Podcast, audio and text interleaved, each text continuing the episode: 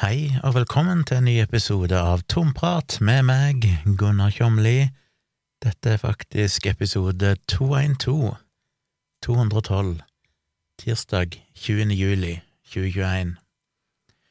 Takk for at du hører på. Jeg kan med stor grad av sikkerhet si at du faktisk hører på akkurat nå, og jeg har akkurat kjørt i meg Hva er det med stemmen min? Kanskje problemet med at klokka er halv tre på natta. Godt jeg har en slags ferie. Jeg har nettopp kjørt i meg en um, halv vannmelon. Der er du meg. Jeg elsker å spise vannmelon, og jeg er ikke sånn som skjærer vannmelonen opp i skjeve, skive. Jeg deler den i to, tar en hel melon, deler den i to, og spiser ifra den med spiseskje. Bare graver meg ned i vannmelonen. Og det måtte jeg jo regne litt på før jeg spiste den, fordi jeg er tilbake på kaloritelling, og nå er sikkert folk deppa allerede fordi jeg skal begynne å snakke om eh, slanking, kosthold, som dere er drittlei av, som jeg har snakka om i så mange år. Men jeg fikk en, eh, et spørsmål her forleden dag, hadde egentlig glemt det vekk, men jeg kom plutselig på det.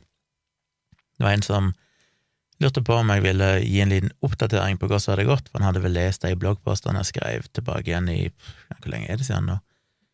Det er vel en fem-seks år siden jeg første gang fant ut at nå skal jeg eh, gå ned i vekt.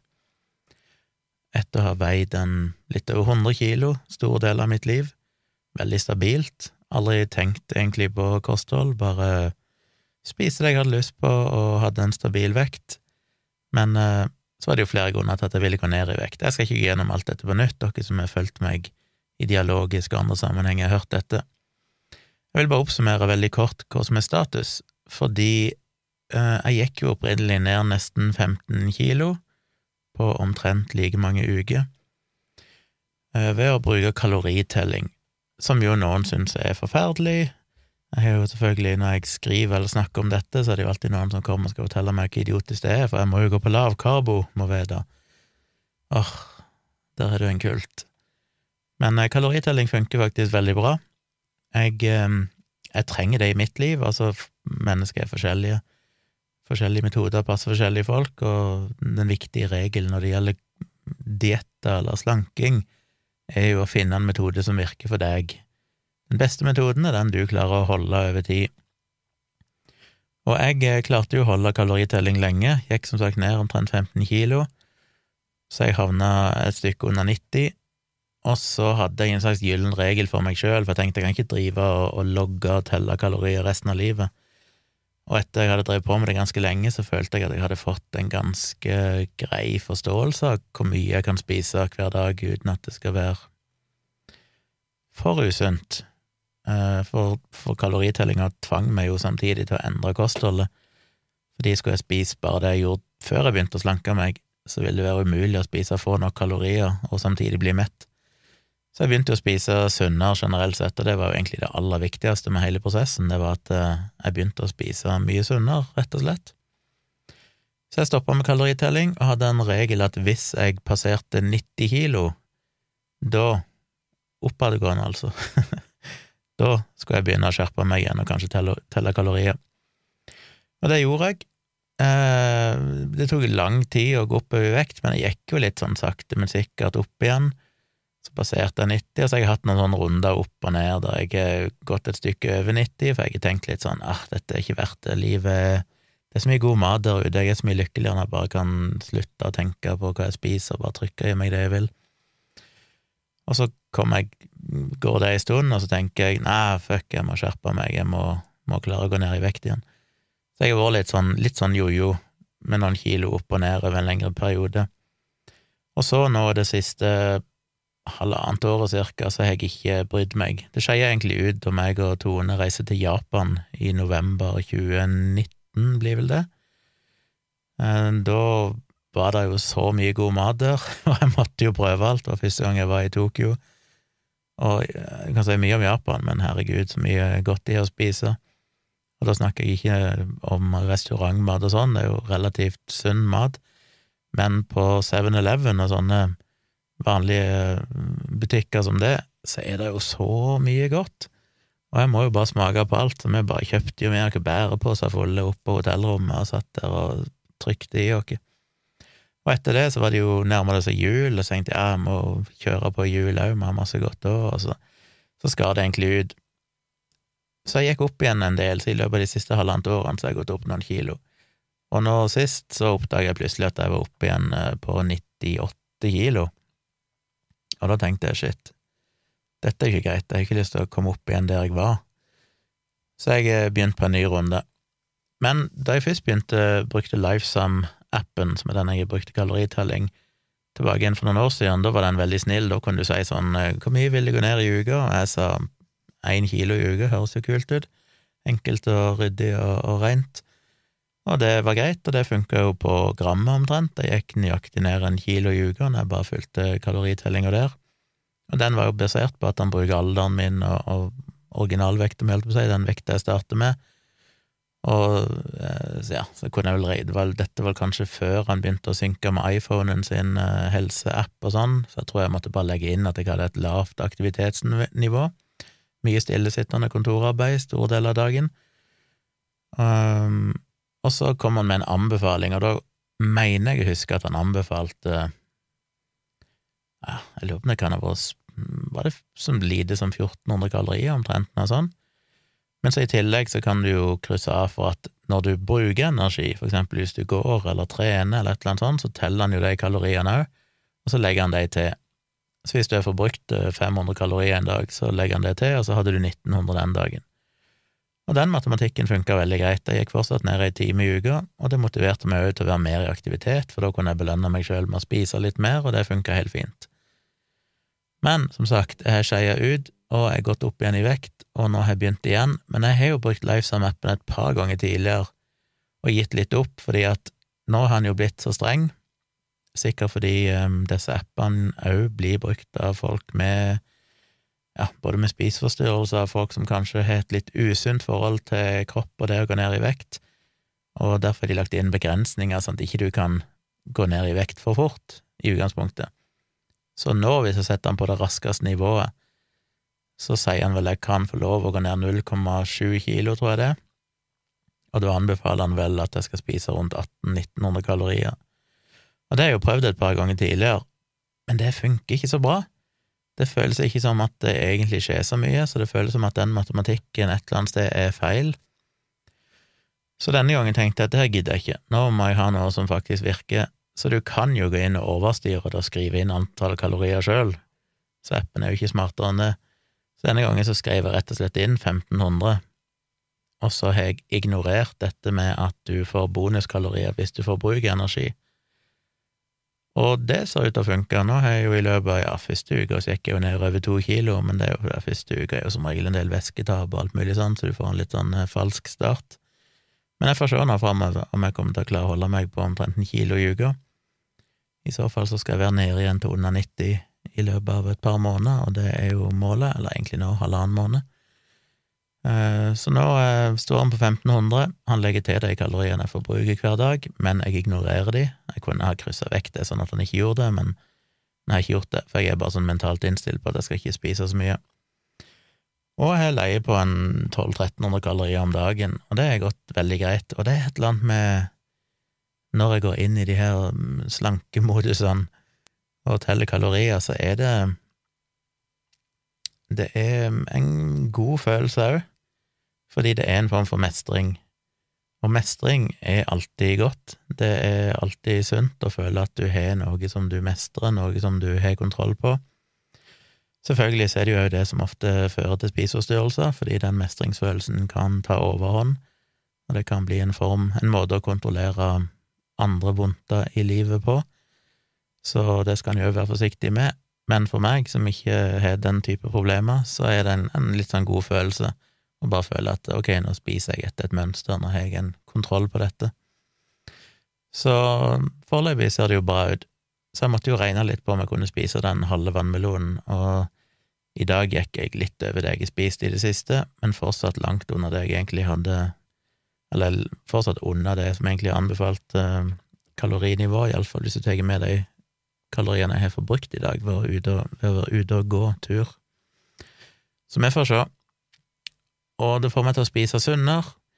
Og som jeg har sagt mange ganger, den store bøygen med å gå ned i vekt er jo ikke at det er vanskelig å spise lite. Det, altså, ja, jeg er litt grann sulten tidvis, men det er, det er jo ikke noe problem. Problemet er jo bare den der å komme over den der psykologiske greia med at jeg bruker mat som belønning. Jeg bruker mat for avstressing. Ehm, jeg mener, når jeg har gått opp i vekt nå de siste årene, så er det jo fordi at hver gang jeg ikke jobber en stund og tenker nå skal jeg ta meg en pause, se litt på YouTube, så må jeg hente meg noe mat. Da må jeg liksom belønne meg sjøl. Jeg kan ikke sette meg ned og se på noe uten at jeg samtidig stapper noe i trynet. Og det er jo den jeg må komme over. Det er liksom den der automatikken i at alt av avslapping og avstressing og belønning er kobla mot mat. Så eh, det er rett og slett en, det er en ren psykologisk øvelse, det er ikke noe annet enn det. Så ja, jeg tror det skal bli bra å få eh, Det er jo noe med alder å gjøre, og holdt på å litt sånn midtlivskrise omtrent, at en begynner å tenke på helse og Det er sikkert sunt å gå ned litt. Men nok om det, det var derfor statusen. Poenget mitt, bare for å oppsummere, er vel bare det at selv om noen mener at kaloritelling ikke funker, og ja, jeg har gått litt opp i vekt igjen, men det har på en måte vært ganske bevisst. Det har vært sånn at nå vet jeg at nå kommer jeg til å gå opp i vekt, fordi at nå driter jeg i hva jeg spiser. Nå vil jeg bare trykke i meg sjokolade og godteri. Det er jo Det er jo min feil. Det er jo en bare sånn Ja, svake mennesker som eh, De synger så fint. Og realiteten er likevel at eh, jeg har jo fortsatt holdt meg stort sett minst ti kilo under det jeg begynte på, i løpet av rundt fem, hva er det, fem-seks år nå. Og det må jo definitivt kalles en suksess, på tross av at jo da, jeg har gått litt opp i vekt igjen, men uh, generelt sett så er det jo veldig få som klarer å holde seg nede på den vekta de kommer seg ned til når de har slanka seg, og ganske mange ender opp på ei høyere vekt enn det de starta på. Så selv om jeg føler at jeg feiler litt når jeg har gått opp igjen noen kilo, så har jeg jo i snitt leie nesten ti kilo under det jeg pleide å veie de første um, nesten 40 årene av mitt liv. Så jeg må jo si at jeg må være ganske fornøyd med meg sjøl, tross alt. Så det var litt om vekt og kalorier, grøss og gru. Jeg eh, snakket jo litt i forrige episode om patronen min, og der er det jo ting på gang. Jeg har jo en patrion som er på patron.com slash tjomli, der folk som vil støtte arbeidet mitt, kan støtte meg økonomisk. Det er jo veldig populært i den store, vide verden at folk som kaller seg for creators, altså folk som driver med YouTube eller podkast eller skriver ting eller lager ting, eh, eller musikere, ja, kunstnere og alt mulig rart, standup-komikere til og med, bruker Patron som en måte å få en slags eh, stabil, forutsigbar inntekt når de driver med ting som ikke nødvendigvis genererer så mye inntekter i seg sjøl, eller har veldig uforutsigbare inntekter. Og jeg har jo, som jeg har nevnt, eh, i praksis ingen inntekter på det jeg driver med, av eh, podkast, eh, blogg, video og sånne ting. Det er marginalt. Så med tanke på hvor mange timer jeg bruker på det, så ønsker jeg jo helst å, å få noe tilbake igjen for det. Og som jeg òg nevnte, hvis jeg hadde fått en god del mer enn det jeg får nå, så kunne jeg jo faktisk òg ha dedikert mye mer tid. Og det skulle jeg jo ønske, for jeg har så mye jeg har lyst til å gjøre, så mye jeg har lyst til å skrive og alt dette her, men timene strekker ikke til når jeg har en, en, jobb i tillegg. Så jeg eh, snakket litt om patronen min, og etter jeg gjorde det, så fikk jeg jo faktisk en ny sånn patron, eller ja, Tjommi XL, som jeg kaller det, som er det høyeste, dyreste nivået mitt, som jo var veldig hyggelig. Og det var ei som eh, likte at jeg hadde snakka om Lightning Process og sånn, og tenkte at hun hadde råd til det, og ønska å støtte meg i det. Og så skaper jo det selvfølgelig et litt sånn Hva Skal en kalle det habilitetsproblem. Eh, men det er jo hun klar over, det ser jeg at hun skriver. Hun skrev en mail til meg eh, med litt informasjon, og hun er klar over det, men jeg vil jo bare presisere at jeg setter jo et strengt skille uansett mellom hva folk ønsker jeg skal snakke om, og eventuelt betale meg for, og hva jeg eventuelt måtte mene om det. Så om noen skulle plutselig begynne å støtte meg med mye penger og ville jeg skulle grave mer i um, lavkarbodiett, så betyr det at jeg plutselig begynner å snakke positivt om lavkarbodiett av den grunn. Så jeg kommer jo fortsatt til å strebe etter å være objektiv og kritisk, uansett, Men uh, ved å støtte meg, så er det jo selvfølgelig lov å komme med ønsker til ting jeg skal snakke om, ting som eh, betyr noe, og som jeg vet at lytterne mine og støttespillerne mine ønsker. Og det er jo viktig, for jeg trenger alltid tips til ting jeg skal snakke om. Så det setter jeg jo veldig, veldig pris på. Men i den sammenheng så har jeg òg drevet og jobba i det siste med et nytt konsept, for det Patron er, er veldig kult. De var vel omtrent først ute med det konseptet med at folk kan støtte creators, eller skapere, som det kalles på norsk. Og, eh, og det er kult. Men selve tjenesten, nettstedet, appen, er jo veldig, veldig primitiv. For eksempel, hvis du er Patrion eller Tjommi L, Tjommi Large, som jeg kaller det, nei, hvis du er Tjommi M, er det vel, medium, så får du jo lydbøkene mine, jeg har jo skrevet to bøker, de har jeg lest inn begge to i sin helhet, og de ligger ute både som video, der, jeg filmer meg sjøl som sitter og leser de, og jo lagt ut bare lyden som podkast eller lydbok. Um, der ligger òg noen foredrag som jeg ikke har gjort, som er blitt filma, og litt sånn. og det er posta inne på Patrion, men det er vanskelig å finne det igjen, for det er ikke noen kategorier på Patrion. Du kan bare tagge ting, og ting blir uoversiktlig og rodete. Det er jo bare en enveiskommunikasjon. Jeg kan poste ting, og så kan mine patrons kommentere på det, men patronene sjøl kan ikke poste ting eller dele informasjon med andre patrons, de kan kun sende meldinger til meg, og de kan kommentere på ting jeg poster, men det er på en måte en ren sånn ja, det, det er ikke et sosialt medie, for å si det sånn. Og det har jeg savna litt, så derfor tok jeg jo i bruk Discord for en tid tilbake, og kobla det opp mot Patron, sånn at alle som blir patrons, automatisk òg blir, blir kobla opp mot min eh, Discord-server. Men det er mulig jeg er blitt for gammel for sånt, for Discord Altså, det er jo det er vanskelig å administrere, det er så ekstremt mye innstillinger og styr, og det er vanskelig å vite om jeg har gjort alt rett. Så det har vært litt aktivitet på Discord-serveren min fra Patrons, men jeg har vært veldig dårlig til å følge det opp sjøl, og jeg har ikke følt at det har vært den helt rette plattformen. Så jeg har leid etter noe som kan fylle alle de rollene, en plass jeg kan gi bonusinnhold til mine patrons, en plass der det òg kan være et slags sosialt nettverk, et fellesskap, eh, som Discord egentlig skal være. Og etter hvert så fant jeg noe som heter Mighty Networks, som er ganske utbredt og har eksistert i mange år. Og nå har jeg gått for å opprette en konto der, det koster en del hver måned, men eh, foreløpig betaler jeg bare én og én måned, så jeg har ikke forplikta meg til så mye utgifter. Men jeg har brukt fryktelig mye tid, for det krever tid å sette seg inn i det og forstå det, eh, for meg som skal sette det opp, og få satt det opp på riktig måte, som jeg kan eh, ja, som funker. Og det det endte opp med nå, og dette kan endre seg, for det er fortsatt i en testperiode, og det er ikke åpent for folk ennå. Jeg kun åpna det for noen få utvalgte som skal være med og bare teste litt og sånn. Men planen er å gjøre det til et helt åpent forum for kritisk tenking. Så tanken er at på Facebook så har du jo skeptikergruppen, og du har alt mulig slags grupper som har vitenskap og skepsis som hovedtema. Men jeg er jo ikke så glad i Facebook, og det er mange grunner til å styre unna Facebook og på Facebook er det fryktelig rodete, det er fryktelig vanskelig å finne igjen ting. Hvis noen poster noe for ei uke siden, og du husker at det var interessant, så er det vanskelig å finne det igjen etterpå. Det er liksom veldig sånn i nuet. Det er liksom her og nå, det som dukker opp i feeden din, er aktuelt, og så forsvinner det ganske fort i historien og er basically usynlig.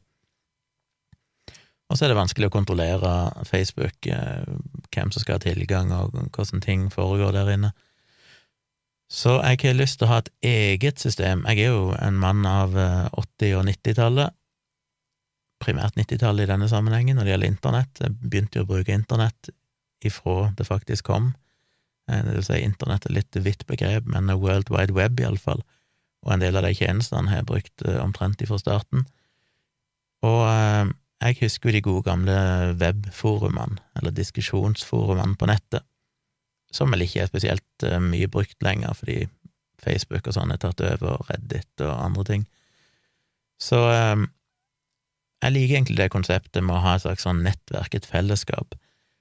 Så det jeg har gjort, er at jeg har satt opp et forum, og det ser ikke ut som et forum, det ser basically ut som en slags Facebook, der folk kan poste ting, eh, og det kommer i en sånn feed, og du kan kommentere, du kan like, du kan dele videoer, artikler, linker, alt mulig rart. Det ser nesten ut som en helt vanlig Facebook-feed inne på ei Facebook-gruppe.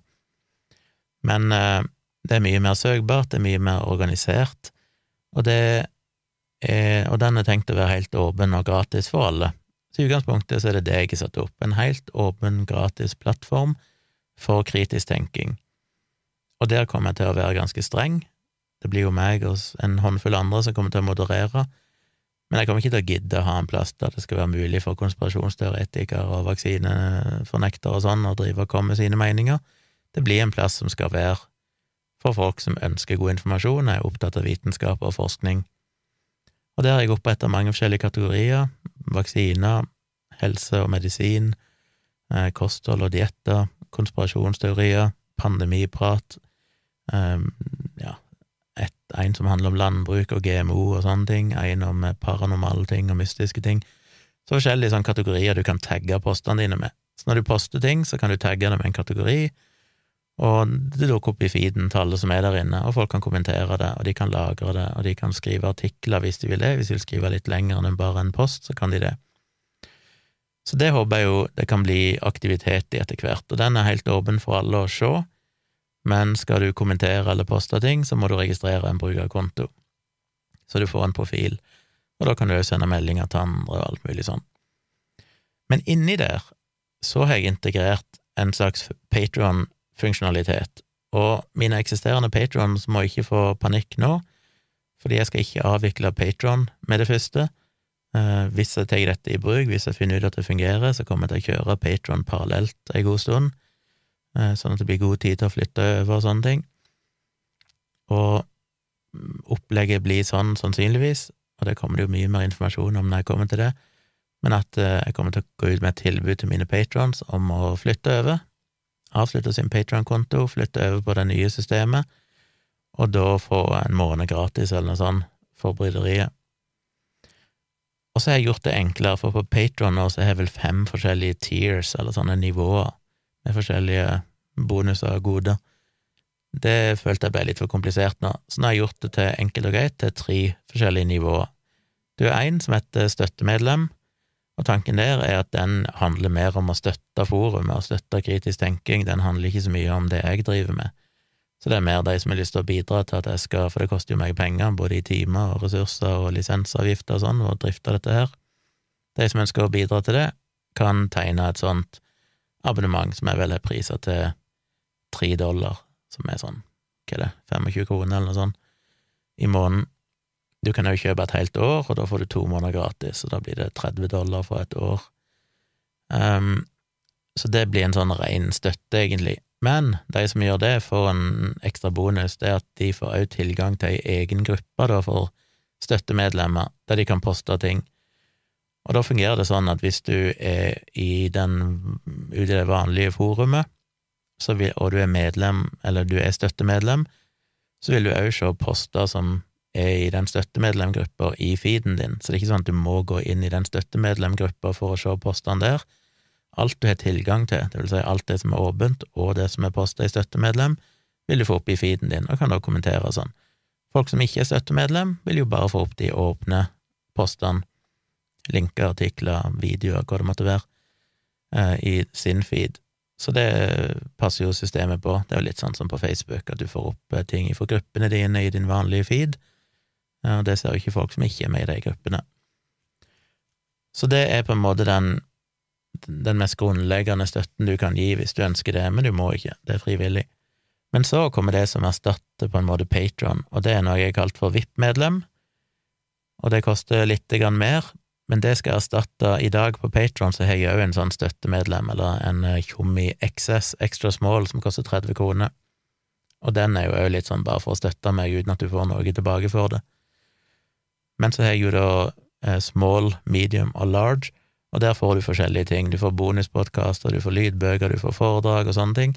De har slått sammen nå til VIP-medlem, og priser det til én pris så de som flytter over for Patron, så for noen vil det bli litt dyrere, for noen vil det bli billigere, og noen vil få mer innhold enn det de tidligere har fått på Patron, fordi de nå får det som òg hørte til høyere nivåer på Patron.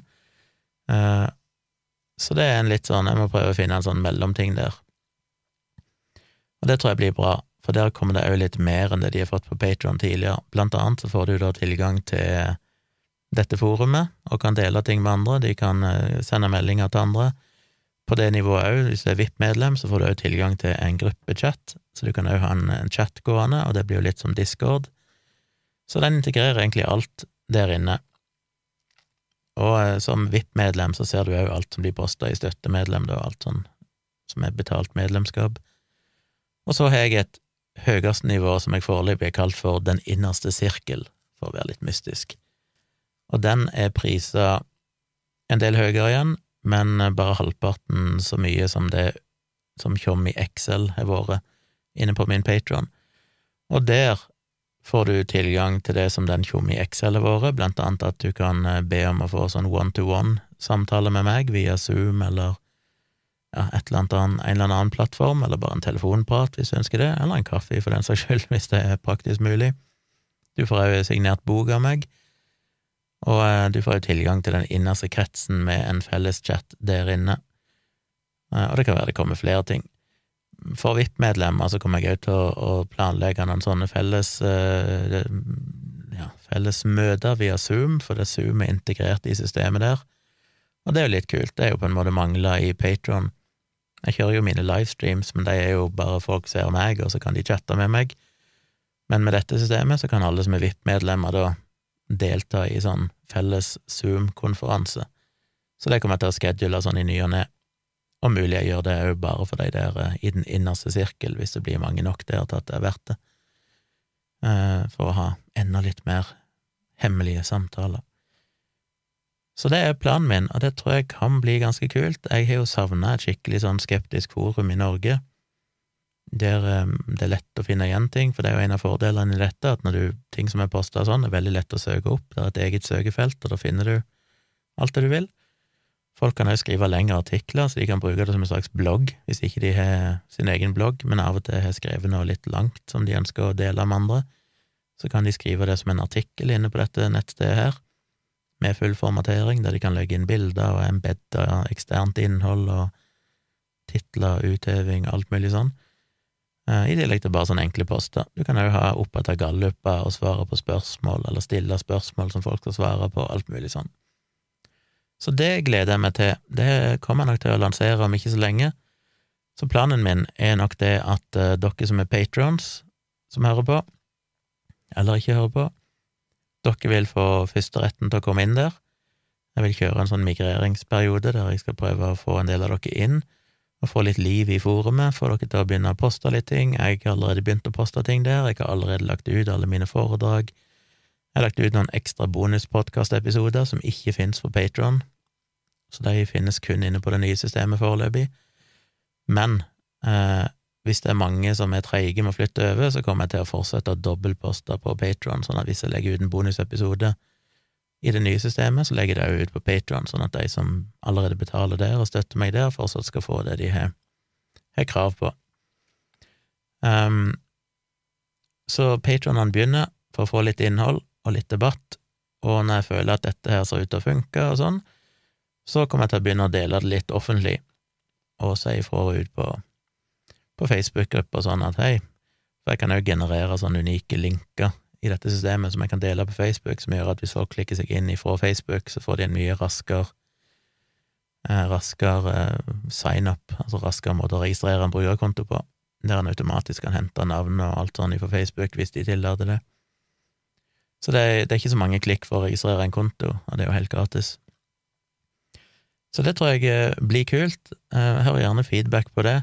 Hvis det er noen som har veldig lyst til å være med og teste, som ikke er patrons, og føler dere har noe å bidra med, så kan dere jo sende meg en mail på tompratpodkast at gmail.com, så skal jeg sende dere en eh, egen invite som er gyldig så lenge dette her varer, så lenge testperioden varer og så vil den bli deaktivert, og så må dere eventuelt da signe opp, og ja, mulig jeg oppretter en unik link der òg, sånn at dere som har vært med og testa, får noe gratis, som takk for hjelpen.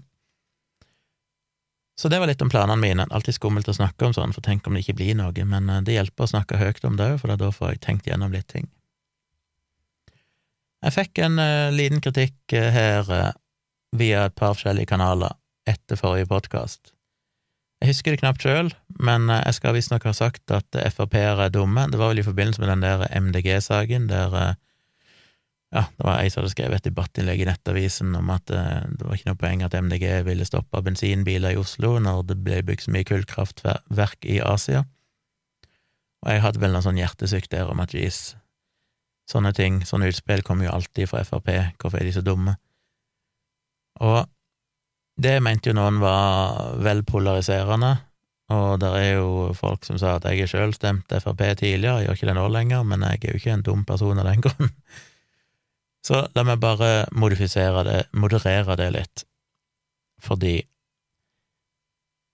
um, Selvfølgelig er ikke alle Frp-ere dumme. Jeg trodde til og med jeg sa det i den episoden, men det er mulig jeg ikke var tydelig nok. Mulig jeg husker feil. Selvfølgelig er ikke alle Frp-ere dumme. Eh, på samme måte som Ja, jeg skal ikke trekke analogier her, da bare eh, graver jeg meg enda dypere ned i det. Men selvfølgelig er det mange smarte Frp-ere, og folk som er definitivt mye smartere enn meg, så det er ikke det det handler om. Det handler jo om snittet. om det skal være lov å si, eller median, kanskje. Fordi argumentet mitt er jo det at Frp er jo et populistisk parti. Det er det ikke noen tvil om. Ehm, de appellerer til, til folk som kjøper de enkle løsningene veldig, veldig ofte. De bruker jo samme taktikk som Donald Trump og andre har brukt opp gjennom historien, uten å nevne stygge navn, der veldig mye handler om å peke ut grupper eller kategorisere folk etter hvem som er problemer i samfunnet, for å kunne legge alle, alt som går galt i samfunnet, skylder på deg. Det er veldig, veldig effektivt. Det har funka i eh, hundrevis av år, sikkert tusenvis av år, så lenge menneskeheten har eksistert, så har det vært en metode som funker. Peke ut synderen, peke ut hvem som er skyldige, og så eh, kan du slippe unna med en del andre ting, da, for uansett hva som da går galt i politikken din, uansett hva som hvis ting blir verre for folk flest, så kan du skylde på denne gruppa, at det er egentlig deg som er problemet. De er òg veldig opptatt av enkle løsninger på ting. Det er ikke snakk om å gå så veldig i dybden ofte, og tenke noen steg lenger. Eh, type kriminalitet, så er det jo veldig mye liksom strengere straffer, en må slå hardt ned på ting, eh, folk skal vises ut av landet. Det, det er veldig lite nyansert og veldig lite humanistisk veldig ofte i måten de ser mennesker på. Det appellerer til fordommene i folk, og det liker folk, for det fritar de fra å måtte anstrenge seg for å overvinne sine naturlige, fordomsfulle instinkter. Tenk hvor deilig når du har en uh, politisk leder som sier et eller annet avskyelig om folk, som jo har sett eksempler på fra Frp. Det legitimerer jo at folk flest kan få lov å si det samme, for det hvis forbildene sier det, så kan vi òg gjøre det ting vi kanskje ikke turte å si før. Uh, igjen er jo Trump et godt eksempel. Når han har gått foran i USA og sa ting som var helt hårreisende, så så en jo at hatkriminalitet og tilsvarende ytringer økte betydelig i USA, fordi det legitimerer ting som tidligere ikke var politisk korrekt å si, og som folk holdt inni seg, plutselig ble mer legitimt å si. Så kan en si at ja, ja, men det er jo ting folk uansett mente, det er ikke like greit at de sier det. Nei, for det, skader folk, og vi ser jo at det faktisk påvirker retningen i samfunnet. Det er jo én ting hvor folk måtte tenke inni seg, en helt annen ting når det blir mainstream å skrive det i kommentarfelt. Eh, vi har jo sett litt av det samme i Norge òg, og eh, jeg tror nok derfor jeg vil si at selv om ikke FRP, Du kan ikke si at alle Frp-ere er dumme, selvfølgelig ikke, så kan en si at partiet Frp og politikken til Frp appellerer til dumme folk. Per definisjon, fordi det er populistisk, det er enkle løsninger. Og kanskje det er ufint av meg å si, eh, jeg har ikke noe eh, vitenskapelige studier på akkurat dette her, men, eh, men jeg vil gå så langt som å si at jeg føler meg temmelig trygg på at det er flere folk i Frp som ønsker enkle løsninger, og som ikke er i stand til å tenke veldig komplekst rundt verden og seg sjøl, som stemmer Frp, enn det er i andre partier. Så får dere hate meg for å ha sagt det, men der har jeg sagt det. Så det betyr at eh, hvis du hører på og stemmer Frp, så trenger du ikke føle deg truffet. Det kan godt være du er supersmart, for all del. Jeg bare sier det at trenden av velgere som trekk, tiltrekkes til populistiske partier, ofte ikke er blant de som mm, er smartest i samfunnet. Boom. Brannfakkelkastet. Egentlig ikke. Så jeg måtte bare si noe om det. Jeg hadde først tenkt at jeg må unnskylde meg, men jo mer jeg tenkte på det, tenkte jeg nei, jeg, eh, jeg står jo faktisk for det. så Her i går var det vel, nei, på søndag blir det, da ble jeg intervjua av en fyr som driver og lager en dokumentar om koronaskepsis. Eh, det er vel, jeg tror ikke det er noe store greie, det er en privatperson som driver litt med film, og han har lagd dokumentarer før, og eh, nå vil han lage en om koronaskepsis, og ville blant annet intervjue meg, og det syntes jeg var hyggelig. Han ville ha folk som hadde litt eh, Som ikke nødvendigvis bare snakket fag, men folk som hadde vært ganske tydelige i debatten og prøvd å argumentere basert på logikk og, og fakta. Så han ville ha meg. Så jeg møtte han, og vi satt utendørs et sted her i Oslo og holdt vel på i et par timer der jeg satt, og han hadde et kamera i trynet mitt, og så sto han bak kameraet og stilte meg noen spørsmål, og så måtte jeg svare på spørsmålene. Og det gir meg litt angst. Jeg mener, folk snakker om fylleangst og sånn. Jeg, jeg har alltid sagt at jeg, jeg, kan ikke helt relatere til fylleangst. Jeg drikker jo særdeles sjelden, og jeg kan knapt huske sist gang jeg var full. Men jeg har jo vært full tidligere i mitt liv, og kan fortsatt ikke huske at jeg har gått med noe sånn fylleangst. Så vidt jeg vet, det har jeg aldri helt kjent på. Men eh, postdokumentarangst, det kjenner jeg på. Eh, det er litt sånn jeg har etter en del livestreams, og til dels podkasten òg, fordi dette blir jo spilt inn i ett take, jeg har ikke noe manus, det jeg sier er improvisert, og etterpå kan jeg få litt sånn kalde føtter og angst og tenke shit, hva var det egentlig jeg sa? Og det fikk jeg iallfall med den dokumentaren, fordi at jeg vet jo ikke hvor den ender opp hen.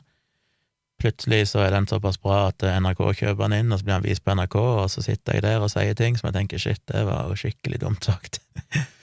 For igjen så visste jeg ikke hva spørsmålene var på forhånd, jeg måtte jo bare improvisere alle svarene, jeg hadde jo ikke noe eh, Kunne ikke sitte og researche ting, så alt jeg sa, måtte jo bare være ting jeg hadde i hodet. Og da tenker jeg etterpå sånn shit, fikk jeg forklart det på en fornuftig måte, sa jeg noe dumt der? Eh, I tillegg så er jo jeg en tendens til å snakke altfor langt og omstendelig, sånn at det skal kuttes ned i en dokumentar til sikkert ikke så mange minuttene. Så er jeg jo spent på hvordan det blir redigert, om, om man klarer å få fram helheten eller poengene mine på en god måte. Og det er jo selvfølgelig min feil, for jeg er ikke så flink til å snakke i soundbites, som du jo helst bør gjøre. Så vi får se. Men jeg hadde litt angst etterpå, jeg kjente sånn, jeg bare, ja, følte meg ikke noe bra. Jeg var egentlig litt sånn redd for Ikke fordi at jeg vet jeg har sagt noe dumt eller sagt noe galt, men jeg bare er redd for at jeg har gjort det, for jeg husker jo ikke alt jeg sa, og ting kom bare ut foran kamera. Men det som er sagt, det er jo sagt, så Så vi får se. Hvis det blir en dokumentar som blir offentlig tilgjengelig en gang i framtida, så eh, skal jeg tipse dere om hva den er tilgjengelig. Apropos det, så nevnte jeg vel òg eh, her for en tid tilbake at jeg skulle være gjest hos Espen Thoresen i programmet hans XL21, som går på NRK P1. Eh, det har jeg vel nevnt i en livestream at jeg har vært, og det ble jo sendt den 10. juli. Jeg sa vel at jeg skulle sende del av link når det ble tilgjengelig, det har jeg ikke gjort. Men eh, for dere som vil høre det, så går det an å gå inn på nrk.no, inn på radioen der, nettradioen, og søke opp 10. Eh, juli, programmet XL21, så finner dere vel det. Da er jeg med i noen minutter. Jeg har ikke hørt det sjøl, jeg orker ikke høre meg sjøl når jeg er med på sånne ting, så jeg aner ikke egentlig hvordan det var, men jeg snakket om konspirasjonsteorier, og eh, ja, det kan kanskje være gøy å høre hva jeg hadde å si i dialog med Espen Thoresen der. Så 10. juli på NRK P1 kan dere gå tilbake i arkivet, og så kan dere høre den episoden av det programmet som heter XL21 med Espen Thoresen og Berit Boman. Hva mer skal jeg snakke om? Ja, jeg må bare nevne en ting òg. Um, tilbake en bitte grann til Patron. Jeg har jo patrons som er såkalla tjom i L, hvis jeg husker rett, og de skal jo få ei signert bok av meg. Det er jo sendt ut fortløpende, men det er noen få, en tre, fire, fem stykk, som jeg ikke har sendt bok til, fordi de ikke svart meg på hvilken bok de ønsker. De har signet opp som Tjommi Gjeld, de har ikke skrevet noe til meg, og det er greit nok, for normalt så venter jeg noen dager, og hvis ikke jeg hører noe, så sender jeg melding til deg og sier takk for støtten, og du kan velge mellom eh, disse bøkene. Og de kan velge mellom tre forskjellige, de kan velge mellom placebo-defekten i hardback eller innbundet versjon, de kan velge placebo-defekten i pocket-versjon, eller håndbok i krisemaksimering, som bare finnes i ja, en slags pocket-versjon. Så en av de tre bøkene kan de få. Men jeg har sendt melding til alle. De fleste jeg har sendt både to og tre meldinger til, har ikke fått noe svar, så de følger tydeligvis ikke med inne på Patronen. Jeg vil jo oppfordre alle til å installere appen, selv om eh, når jeg, eh, eller hvis jeg bytter over til Mighty Networks, så har jo de òg en app som er mye, mye bedre. En veldig god app der du får notifications og kan ja, bruke til å, å delta i alle diskusjoner og sånn som er. Eh, men inntil videre, så last gjerne ned Patrion-appen og logg inn der, for da får du notification, så du kan følge med når jeg poster ting inne på Patrion òg. Så hvis det er noen av dere som kjenner dere igjen, hvis dere har tjom i L, eller XL for den saks skyld, og eh, ikke har fått bok, så sjekk innboksen på Patron og svar meg der. Sjekk òg at dere har oppgitt postadressen i profilen, hvis ikke så må dere gjøre det, sånn at jeg vet hva jeg skal sende boken. Så det var bare en liten påminnelse. Så helt til slutt så skal jeg snakke om noe som faktisk er av substans. Og eh, jeg vet ikke helt hva jeg skal si. Jeg skal tilbake igjen til Lightning Process og ME, for det er et tema jeg ikke har snakket om ennå. Det er selvfølgelig veldig mye, men det er én ting jeg har tenkt på i ganske lang tid, og det er dette her nettverket som kalles Recovery Norge. For de som ikke vet det, så er det et nettsted som er satt opp, som ligger på eh, Ja, det finnes vel en engelsk versjon òg, men det heter recoverynorge.org, finnes det iallfall på. Og det er rett og slett bare en database over uh, happy endings, holdt jeg på å si, over solskinnshistorier med folk som har vært syke, ofte med ME, fått diagnosen ME, og har blitt friske igjen. Veldig ofte gjennom for eksempel Lightning Process, men det ligger jo òg inne her, du kan jo søke på Du kan jo filtrere på hva de ble friske av, og der kan du velge mellom Lightning Process, kognitiv atferdsterapi, gradert trening, ANS Rewire, aldri hørt om, vet ikke hva det er, mindfulness eller meditasjon, stressmestring, aktivitetsregulering, energiøkonomisering, tinnitus retraining therapy, TRT, eller annen metode. Og jeg har jo, jeg mener jeg husker at jeg har diskutert dette på Twitter for um, lenge siden, et par-tre år siden, uh, og ytra vel da at jeg ikke helt så poenget med den nettsida. Uh, hensikten med det er jo at de skal vise at det går an å bli frisk. De skal vise at det er vel en slags forsøk på å få folk som kanskje spinner seg ned i en eh, nedadgående spiral, ned i det dype mørket, og dermed føler håpløshet og kanskje gjør seg sjøl verre, skal kunne lese og se at det finnes mange mennesker der ute som har hatt de samme symptomene og samme problemene som jeg har, og som har blitt friske igjen.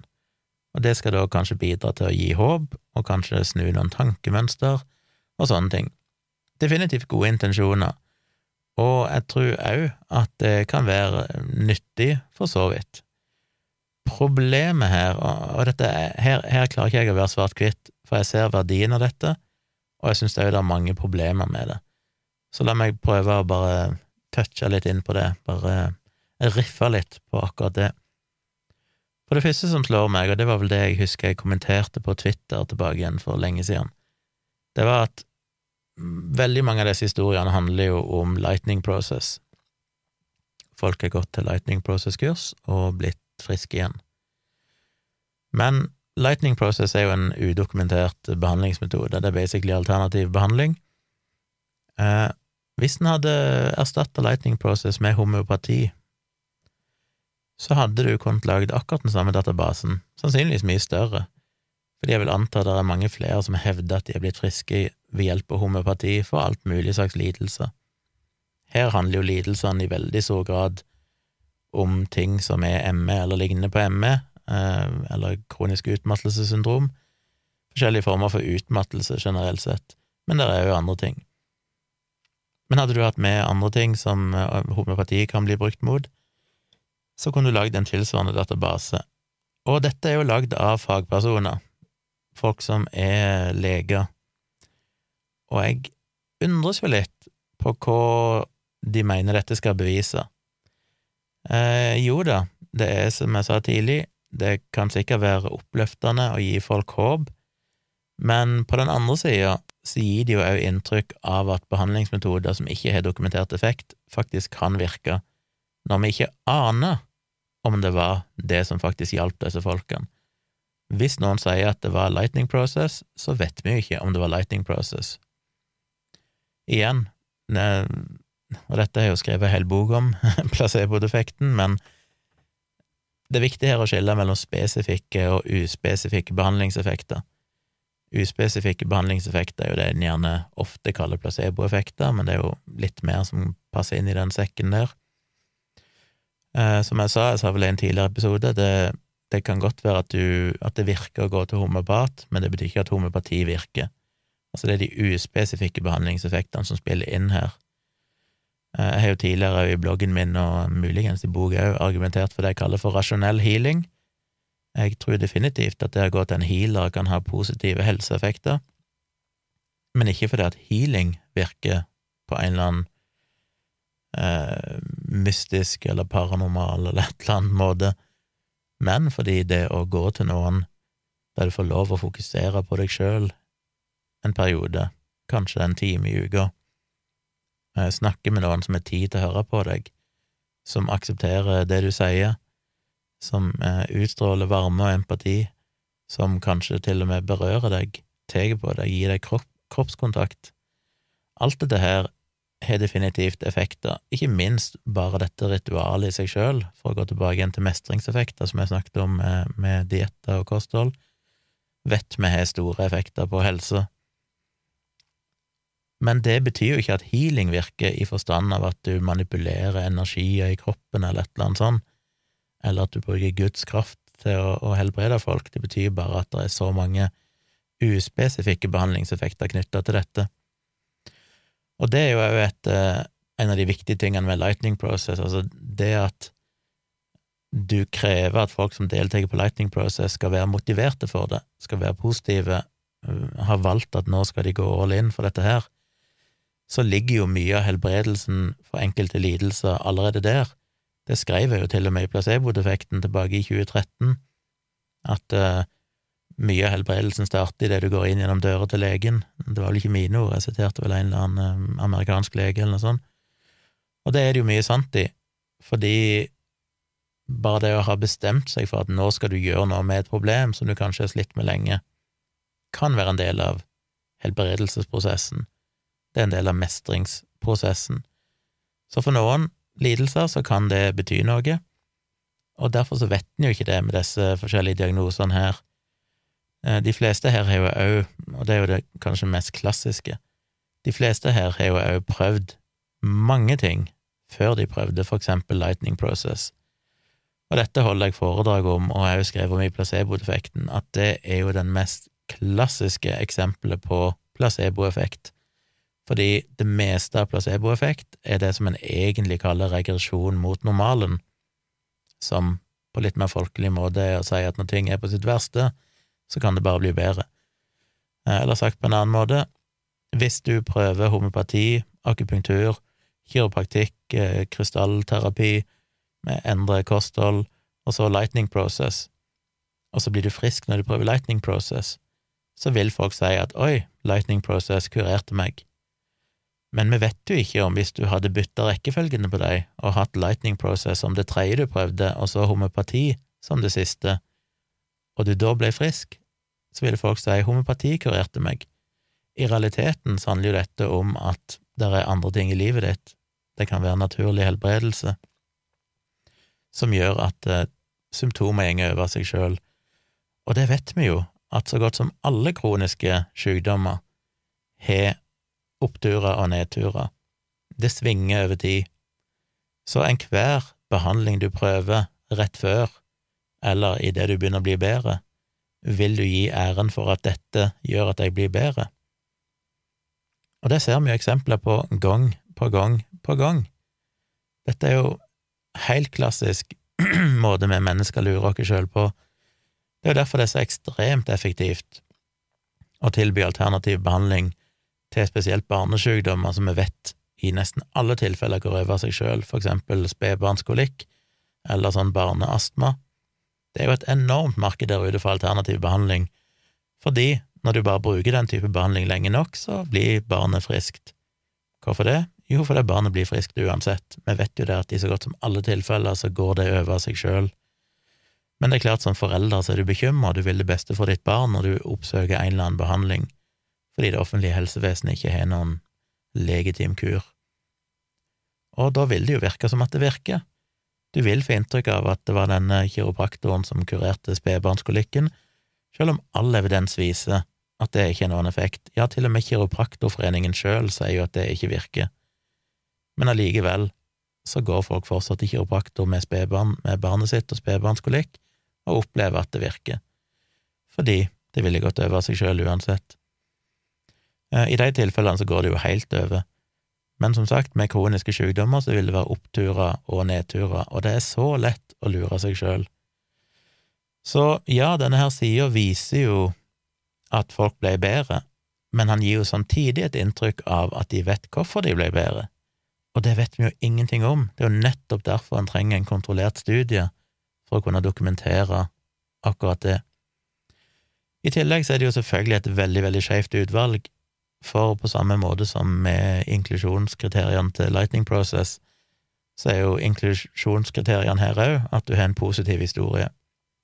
Det er jo ikke historier her om folk som prøvde Lightning Process, og så virka det ikke, eller de prøvde Lightning Process, og så ble de verre, fordi det er jo ikke hensikten med nettsida. Så det skjønner jeg, det sier seg sjøl at de historiene blir jo ikke med, for de vil jo ikke gi håp til folk, og det er jo det som er poenget her.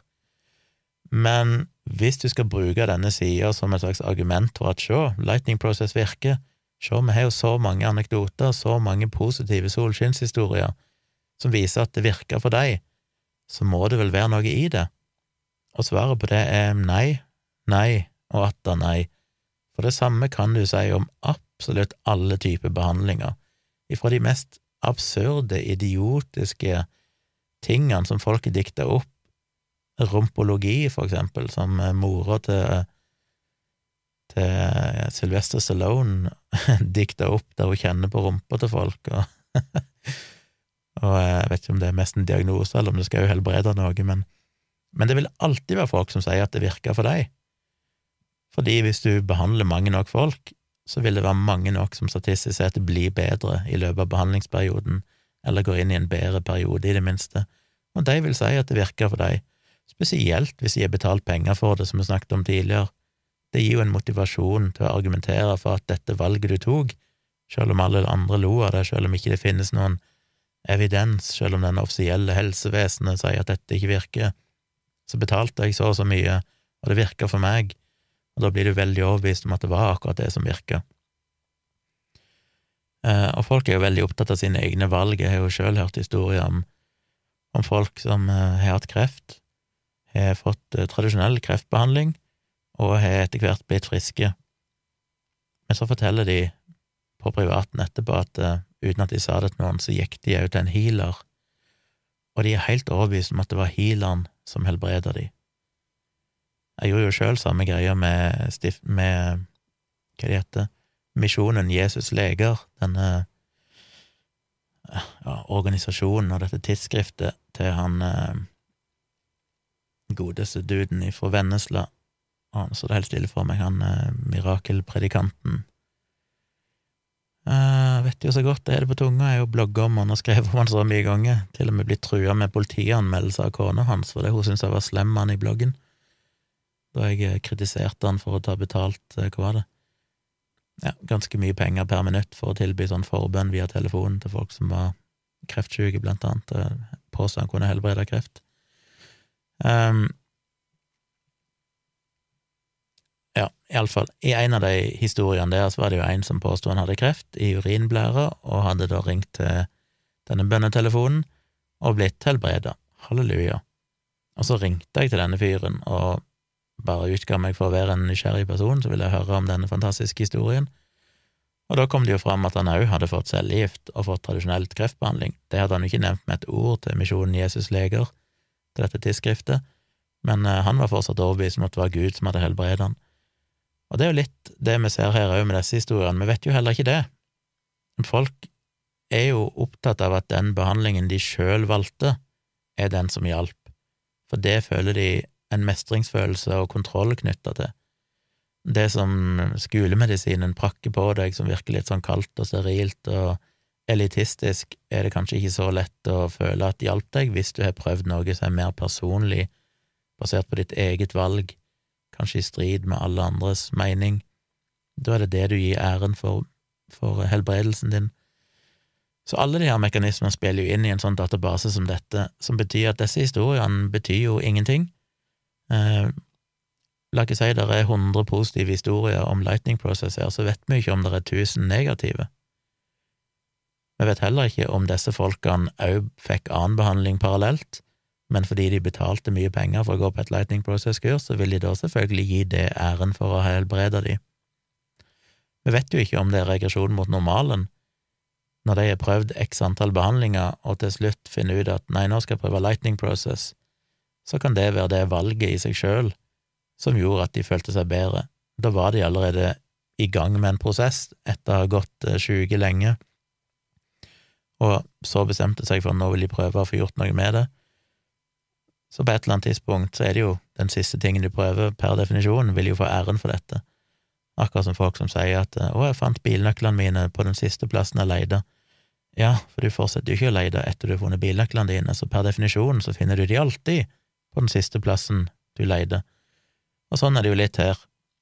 Når du blir frisk, så fortsetter du ikke med behandling, og da er det jo det siste du prøvde som får æren for denne helbredelsen. Så jeg syns jo dette er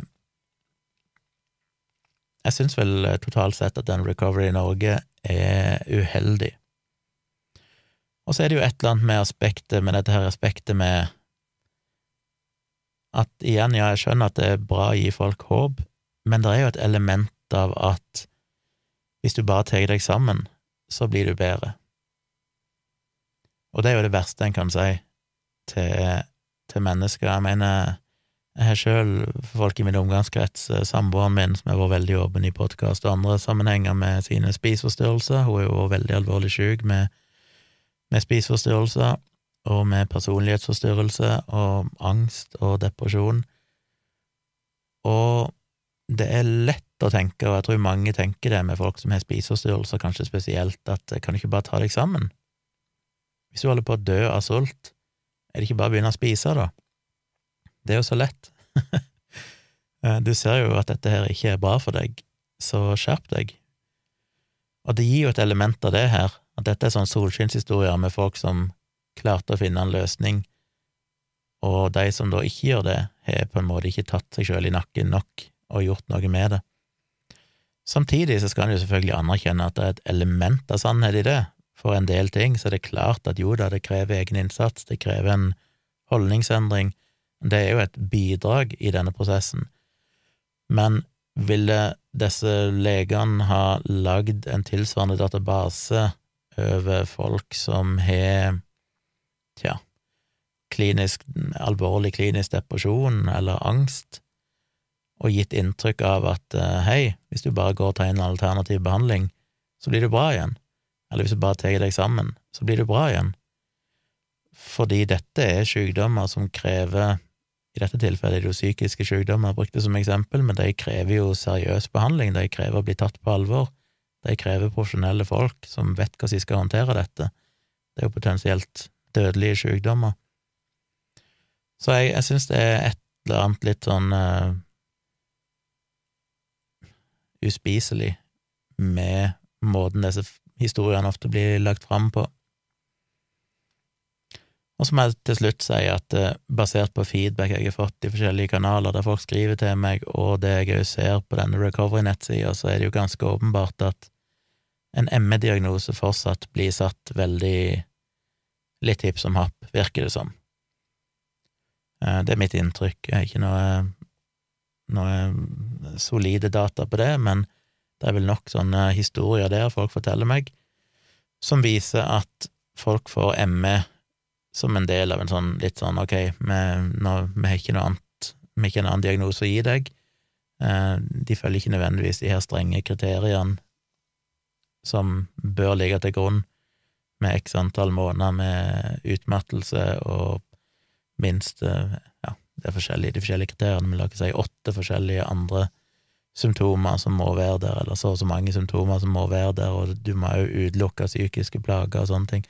Altså, det er ganske strenge kriterier her for hva som skal gi deg en ME-diagnose, men når du ser på mange av de her historiene, så er det ganske åpenbart at det er et sammensurium av blandinger av psykosomatiske lidelser her, med folk som helt åpenbart, som jeg snakket om i den første episoden der jeg snakket om dette, har møtt veggen gjennom forventningspress og stress fra omgivelsene sine, og så har de da klart å komme seg på beina gjennom for eksempel Lightning Process. Og jeg har jo fått kritikk for at jeg brukte ordet ekte ME, og jeg var jo veldig tydelig på at det var problematisk å bruke det, det er jeg veldig klar over, fordi hvordan vet vi hvem som er ekte ME, og hvem som ikke er ekte ME, hva er egentlig ekte ME, vi vet jo ikke det ennå. Eh, så det er, er tricky. Poenget mitt er jo bare å si at ME per nå, helt nesten garantert, vil vise seg å være flere forskjellige sykdommer, eller flere forskjellige diagnoser der noen av de kanskje allerede er eksisterende diagnoser, men det er litt slepphendthet med, med, å bruke ME-diagnosen. Eh, andre kan være nye ting, det vet vi ikke, men jeg tror det er for tidlig å si at alle som har ME, har én og samme årsak til sykdommen.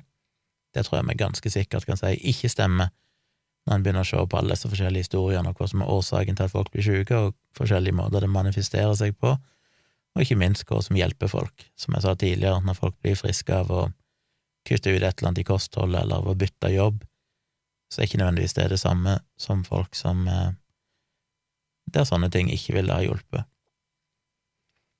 Så det tror jeg eh, blir mine avsluttende ord om det. Igjen, hvis dere har innspill og tanker om det jeg har sagt, send meg en mail på tompratpodkast.gmil.com. Hvis dere syns eh, det var fornuftig det jeg sa, så del det gjerne med andre og tips dem om denne podkasten. Det setter jeg veldig, veldig pris på. Jeg vil jo gjerne nå ut til flere. Eh, vil dere støtte meg i det arbeidet jeg gjør, hvis dere har muligheten til det, ifra 30 kroner i måneden og oppover, så kan dere altså gå inn på patrion.com slash tjomli inntil videre og signe opp der, og hvis jeg etter hvert flytter over på en annen plattform, så, så blir dere med og får noen eh, bonus mm, gratisperiode som takk for at dere flytter, så dere taper ingenting, og dere får minst like mye innhold som dere har fått tidligere. Men ved å støtte meg på Patron, hvis dere går opp på et litt høyere nivå enn det lågeste, så kan dere òg få lydbøkene mine hvis dere vil høre bøkene mine. Jeg vil jo anbefale alle som er engasjert i Lightning Process og, eh, og alt som hører med rundt det, å lese eller høre boken min Placebo-defekten. Den eh, den er blitt trykt opp i en del opplag nå, jeg husker ikke, er det femte opplag som er ute? Solgt en del tusen eksemplarer. Blitt kjøpt inn av eh, Kulturrådet. Blitt eh, kjøpt inn som pensum enkelte plasser mm, på høyere utdanning. Så jeg tror det er en nyttig bok til å forstå tankegangen bak disse tingene. Både vitenskapelig metode, placeboeffekt, hvordan vi finner ut om en behandling virker eller ikke virker, kontrollerte studier, alt dette her. Eh, hvis dere ikke vil støtte meg på Patron, så kan dere òg kjøpe boka av meg, og det kan dere gjøre inne på tjomli.com, som er bloggen min, slash bestill, eller bare inn på tjomli.com, og så klikk på bøker og bestill i menyen. Og Der kan dere bestille en og ei bok, eller bokpakker med begge bøkene, eller du kan òg bestille lydbok. Men hvis du blir patron, så er det faktisk billigere. Da er det billigere å bli patron, så får du lydbøkene mine både som video og podkast eller lydbok eh, inkludert der. Så jeg setter veldig pris på all støtten jeg kan få for det arbeidet jeg driver med. Jeg setter pris på tilbakemeldinger. Så send meg mail, send meg eh, tips om ting, send meg eh, ris og ros. Så er jeg tilbake igjen ganske snart, og i kveld, altså tirsdag 20. juli, så blir det en livestream på YouTube. Den er allerede oppretta, så hvis du går inn på YouTube og søker på Tomprat, live, eller går inn på YouTube-kanalen min Tvilsomt med Tjomli, så finner du den der, og den starter klokka elleve i kveld. Så da kan du se på det, og du kan komme med spørsmål hvis du har noen spørsmål til denne episoden av podkasten, eller helt andre ting du vil jeg skal snakke om eller svare på i livestreamen, så er det fullt mulig. Og så minner jeg på at det er jo ute en ny episode av Virkelig grusomt, som er den andre podkasten jeg har sammen med Tone, samboeren min, der vi denne gangen snakker om han stakkaren, han amerikaneren, som ble fanga i Nord-Korea for noen få år siden, og det gikk ikke så bra. En ganske grusom historie, det òg. Så den kan dere høre at vi går gjennom i nyeste episode. Og alle disse podkastene finner dere jo på både Spotify og i alle podkast-apper. Så da runder jeg av. Jeg må komme meg i seng. Jeg eh, håper dere satte pris på denne episoden. Takk for at dere hørte på, og så er jeg tilbake igjen på fredag med en ny episode.